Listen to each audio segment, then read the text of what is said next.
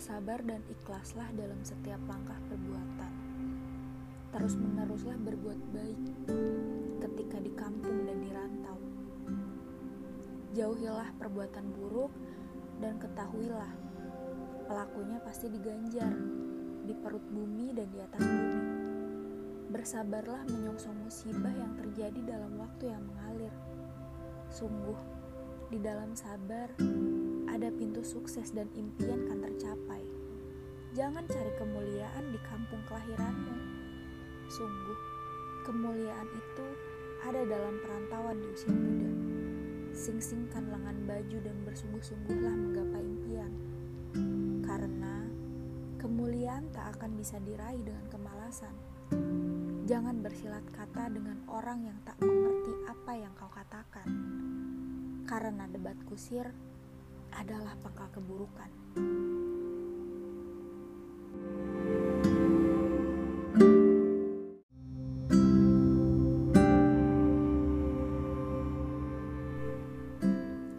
Dengan gamang, aku bertanya pada diriku, bagaimana cara mengejar impianku ini?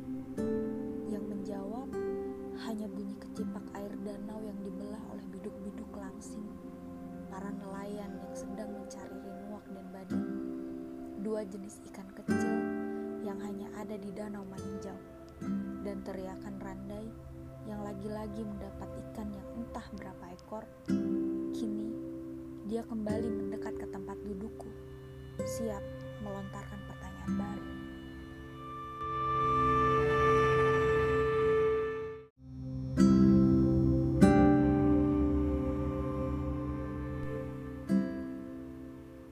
Mendaki tiga puncak bukit. Aden duduk di sebelah atas ya, dan seperti biasa, Aden pasti menang. Teriak Randai Ponga sambil memanjat ke puncak batu hitam yang kami duduki. Batu sebesar gajah ini menjorok ke danau Maninjau, dinaungi sebatang pohon kelapa yang melengkung seperti busur. Jan gadang otak, jangan bicara besar dulu. Ayo buktikan siapa yang paling banyak dapat ikan. Sahutku sengit.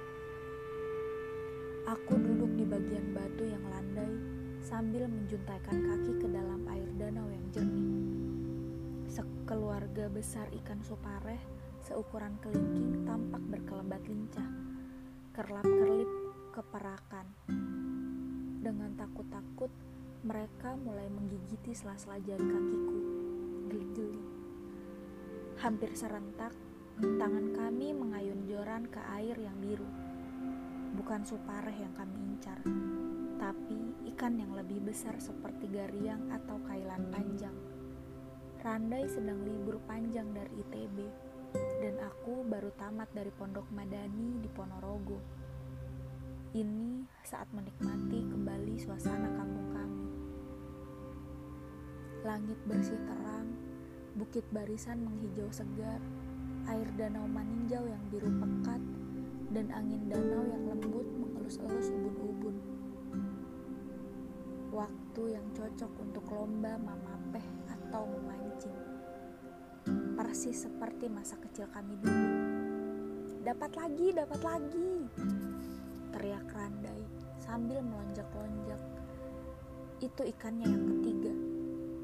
Dia menggodaku sambil menjulurkan ikan kailan panjang yang masih meronta-ronta ke wajahku. Hampir saja kumis ikan berbadan seperti belut raksasa ini menusuk hidungku. Amis segar ikan danau yang terkenal lezat ini merebak. Aku diam saja sambil menggigit bibir. Heran. Dari tadi pelambungku dari keratan sandal jepit merah belum juga bergoyang sedikit pun. Hanya ikan supare kecil yang masih rajin mengerubungi kakiku.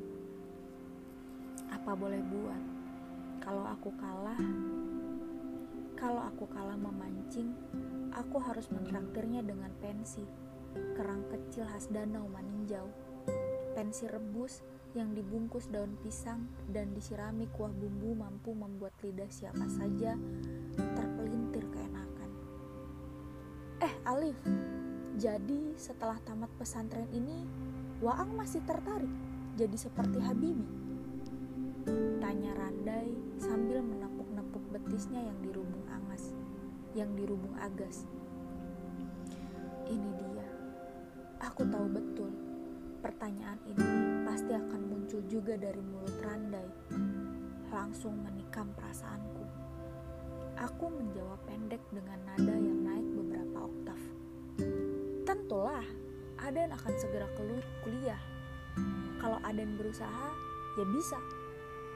Randai hanya mendeliriku sambil tersenyum timpang, seperti tidak yakin. Bola matanya berputar malas. Laganya selalu kurang ajar. Aku merasakan pangkal gerahamku beradu kuat. Ujung joran aku genggam erat-erat. Tiba-tiba aku patah semangat untuk terus memancing hari ini.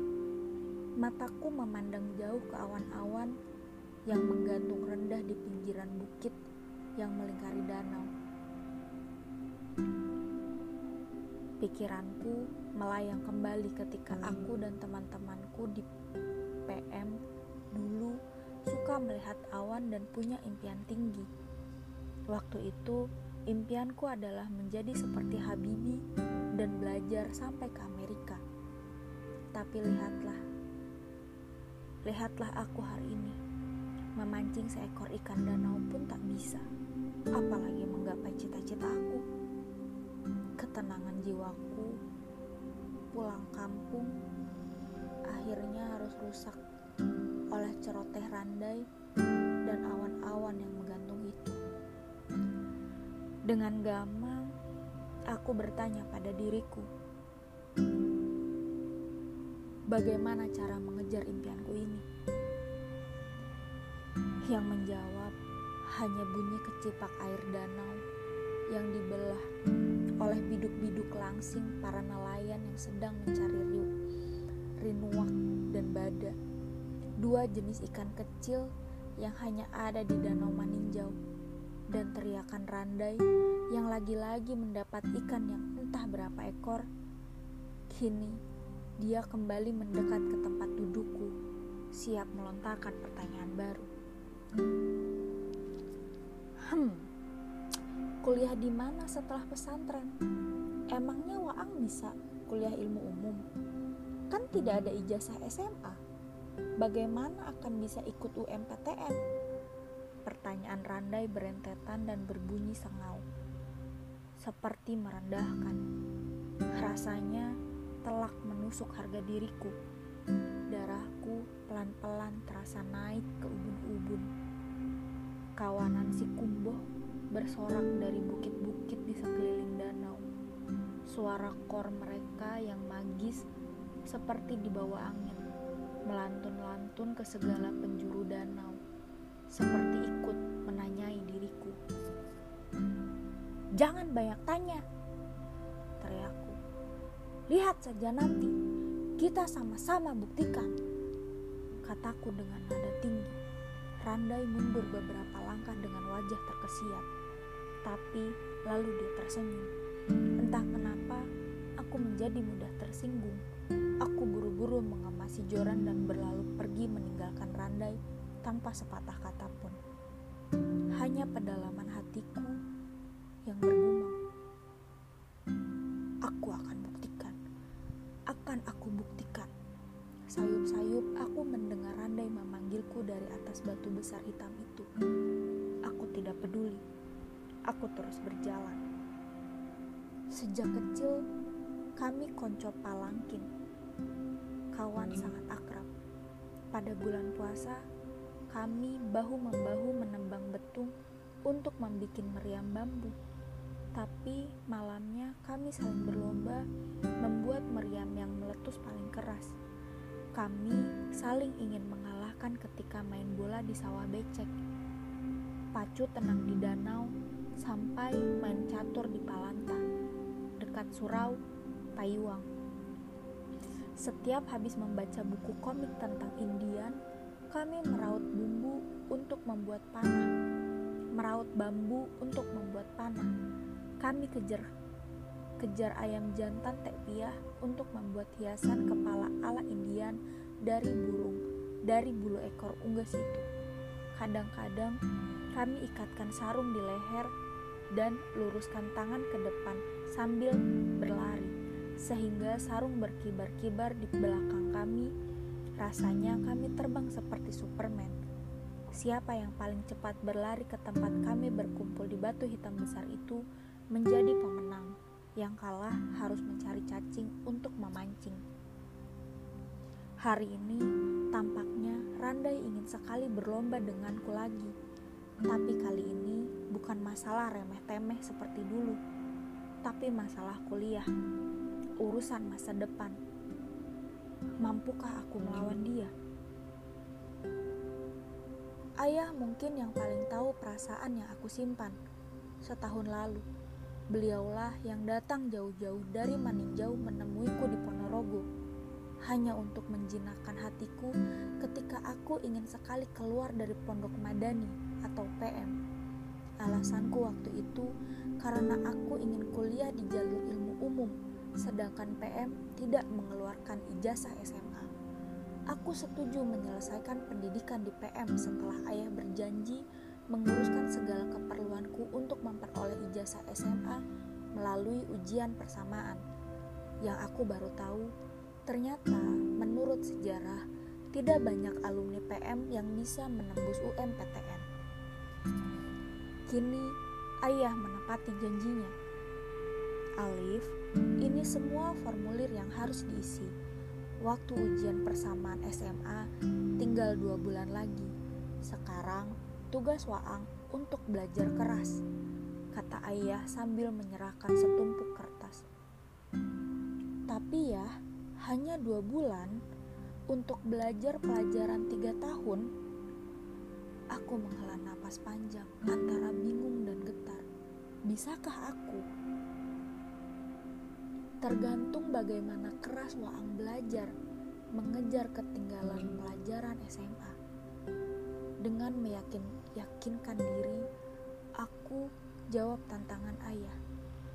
Insya Allah ya, Ambo akan berjuang habis-habisan untuk persamaan ini dan untuk UMPTN. Ayah tersenyum dan menatapku lekat-lekat.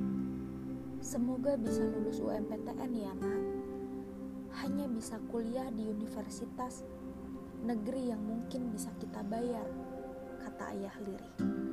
Aku paham betul harapan ayah dan aku hanya bisa mengangguk-angguk. Sungguh, tantangan yang berat buat aku. Seorang lulusan pesantren yang tidak belajar kurikulum SMA, mendengar aku nekat akan mencoba peruntungan ini keluarga dan teman-temanku bersimpati dengan cara masing-masing. Beberapa orang teman SD ku yang sekarang sudah kuliah mengajakku masuk di tiga saja. Aden saja yang lulusan SMA favorit tidak tembus UMPTN. Benar-benar. Berat benar. Coba ada tiga yang lebih ringan persaingannya dan bisa cepat kerja. Kata Zulman meyakinkan bahwa aku akan senasib dengannya. Etek Samsidar yang sibuk mengunyah sirih menepuk-nepuk punggungku dengan simpatik. Mulutnya yang merah darah terbuka lebar. Anak Etek yang perempuan, si Reno tuh, juga lulus madrasah aliyah. Dia milih S1 swasta aja di Bukit Tinggi. Tes masuknya gampang, tidak berat-berat. Atau kalau mau, bisa pulang seperti kemenakan Etek satu lagi, si Yovandri pulang dari pesantren, dia langsung jadi imam masjid dan mengajar mengaji di Koto Kacia, kampung di sebelah. Lumayanlah, ada infak dan jamaah untuk kehidupan sehari-harinya. Selain yang prihatin, ada pula yang meremehkan peluangku lulus. Wah, Anglif, mau coba UMPTN? Emang sekolah kamu di SMA mana? Tanya Armen kawanku dengan tergelak keheranan hatiku panas. Tapi aku mencoba menahan diri dengan hanya mengulum senyum pahit tanpa suara. Setahuku, anak pondok itu kan tak pernah belajar matematika, bahasa Inggris, ekonomi, kimia. Iya ndak? Ada pelajaran itu, tapi tidak sebanyak di SMA. Kalau gitu, jauh panggang dari Apilah. Aden saja dua kali mencoba baru tembus, padahal nem Aden tinggi. Cerocosnya sambil menggeleng-geleng, menyebalkan. Ingin aku membantah, itu tidak benar. Tapi, dengan apa aku bantah? Aku belum membuktikan apa-apa. Jadi, sudahlah. Aku capek, biarlah dia meracau semaunya. Armen belum juga puas rupanya. Dia mendekat dan berbisik ke telingaku sambil menyeringai. Kecuali Waang pakai joki lift. Joki? Aku menggeleng keras untuk perjokian. Apa gunanya ajaran amak dan pondok madani tentang kejujuran dan keikhlasan? Randai tidak ketinggalan mencoba memberi masukan. Liv, kalau Waang mau kuliah juga, datang sajalah ke Bandung. Banyak akademi, D3 atau sekolah swasta. Atau bisa juga masuk IAIN, yang tentu cocok dengan lulusan pesantren. Nanti bisalah kita kos bersama seru, supaya murah. Orang-orang yang aku kenal ini menaruh simpati, kasihan, bahkan ada yang meremehkanku. Seakan mereka tidak percaya dengan tekad dan kemampuanku. Aku tidak butuh semua komentar mereka. Aku bukan pecundang. Sebuah dendam dan tekad menggelegak di hatiku. Aku ingin membuktikan kepada mereka semua. Bukan mereka yang menentukan nasibku, tapi diriku dan Tuhan. Aku punya impianku sendiri Aku ingin lulus UMPTN, kuliah di jalur umum untuk bisa mewujudkan impianku ke Amerika. Dengan mengepalkan tinjuku, aku bulatkan tekad, aku bulatkan doa, aku akan lulus ujian persamaan SMA dan berperang menaklukkan UMPTN. Aku ingin membuktikan kalau niat kuat telah dihunus halangan apa pun akan aku tebas. Maka malam itu aku susun strategi perang. Pertama, aku harus memiliki semua senjata. Senjata utama untuk menaklukkan pelajaran SMA adalah menguasai buku wajib siswa SMA dari kelas 1 sampai kelas 3. Hanya ada kekurangan besar. Aku tidak punya satupun buku pelajaran SMA dan belum pernah mempelajarinya. Tiada cara lain Aku harus meminjam. Dasrul, kawanku yang rumahnya paling dekat dengan rumahku, minta maaf karena banyak bukunya telah dijual sebagai kertas kiloan pembungkus cabai. Sedang sisanya yang masih ada di rumahnya telah tamat dimakan rayap. Untunglah Julman, temanku yang resik, menjaga catatannya. Dan Elva yang punya semua buku SMA bersedia meminjamiku mereka berdua menyerahkan buku kepadaku dengan sorot mata sangsi. Kamarku kini seperti toko barang bekas. Buku dan catatan usang berceceran di sana-sini. Pelan-pelan aku tumpuk semua buku di lantai berdasarkan kelas. Hasilnya, satu bukit buku untuk pelajaran kelas 1, satu bukit kelas 2, dan satu bukit kelas 3. Tiga bukit buku. Aku meneguk ludah. Aku baru sadar ketiga bukit inilah yang akan aku daki kalau aku ingin menaklukkan ujian persamaan SMA dan UMPTN. Dengan bersila di lantai, aku buka sebuah buku dan mulai membaca. Baru beberapa lembar saja, aku menggaruk-garuk kepala sendiri sambil mengernyitkan dahi. Walau berulang-ulang aku baca pelajaran kimia, fisika, dan biologi, Tetap saja keningku berkerut. Randa yang aku minta jadi tutor khususku tidak kalah frustasi melihat aku tidak bisa menangkap apa yang diterangkan. Randai membanting kapur yang digunakan untuk menulis rumus di dinding papan rumahku. Patah tiga di lantai. Antara prihatin dan kesal dia berkata, Setahun pun Aden ajari, tampaknya Waang tetap tidak akan bisa menguasai pelajaran ini. Aku tatap matanya. Dia sungguh-sungguh tidak sedang bercanda. Aku menjawab keras. Jangankan setahun, tiga tahun pun akan Aden lakukan demi mencapai cita-cita. Kalau tidak mau menolong, Aden akan tolong diri sendiri. Aku kemudian bergegas pergi, sementara Randai kembali berteriak-teriak meminta maaf. Aku duduk bermenung di batu hitam besar di pinggir danau. Aku sangat tersinggung dengan kata-kata Randai. Tapi yang membuat hatiku lebih perih adalah aku setuju dengan Randai. Aku memang keteteran belajar pelajaran hitungan. Aku yakin bisa, tapi saat ini aku tidak punya cukup waktu untuk mengejar ketinggalanku. Bagaimana akan tembus UMPTN? Bagaimana aku bisa masuk jurusan penerbangan ITB? Aku terpekur. Di air danau yang tenang, aku melihat sebuah bayangan wajah orang yang masih ingin kuliah di universitas negeri, aku harus mengambil keputusan besar. Aku akhirnya harus memilih dengan realistis. Kemampuan dan waktu yang aku punya saat ini tidak cocok dengan impianku. Dengan berat hati, aku kuburkan impianku, impian tinggiku dan aku hadapi kenyataan bahwa aku harus mengambil jurusan IPS. Selamat jalan ITB.